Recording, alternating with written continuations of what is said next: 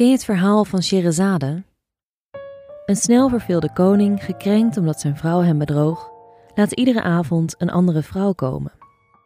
Maar tegen de tijd dat de zon opkomt, laat hij hun hoofd afhakken, om te voorkomen dat zijn hart weer gebroken wordt. Tot Sherazade. Ze heeft die koning duizend nachten lang verhalen verteld met elke ochtend een cliffhanger. Waardoor hij haar niet ging vermoorden omdat hij zo nieuwsgierig was. Oké, hoe gaat het verder? En na die duizend dagen is hij tot inzicht gekomen en is hij veranderd in zijn denken. Een verhaal kan je wereld veranderen.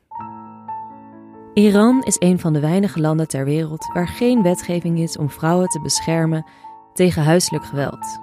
Een groep activisten probeert daar verandering in te brengen.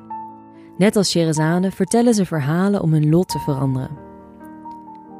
I ask every woman I meet to tell about their stories. Hun ultieme missie? Een nieuwe wet. Maar we moeten vrouwen dus niet alleen zien als uh, zillige weet je, uh, slachtoffers hiervan. Uh, wat je vaak ziet is dat vrouwen juist een heel erg sterke rol spelen in Iran. I think that because when you feel discrimination and when you you count as second citizen in your country, I think that you fight more and you have more reason to change something.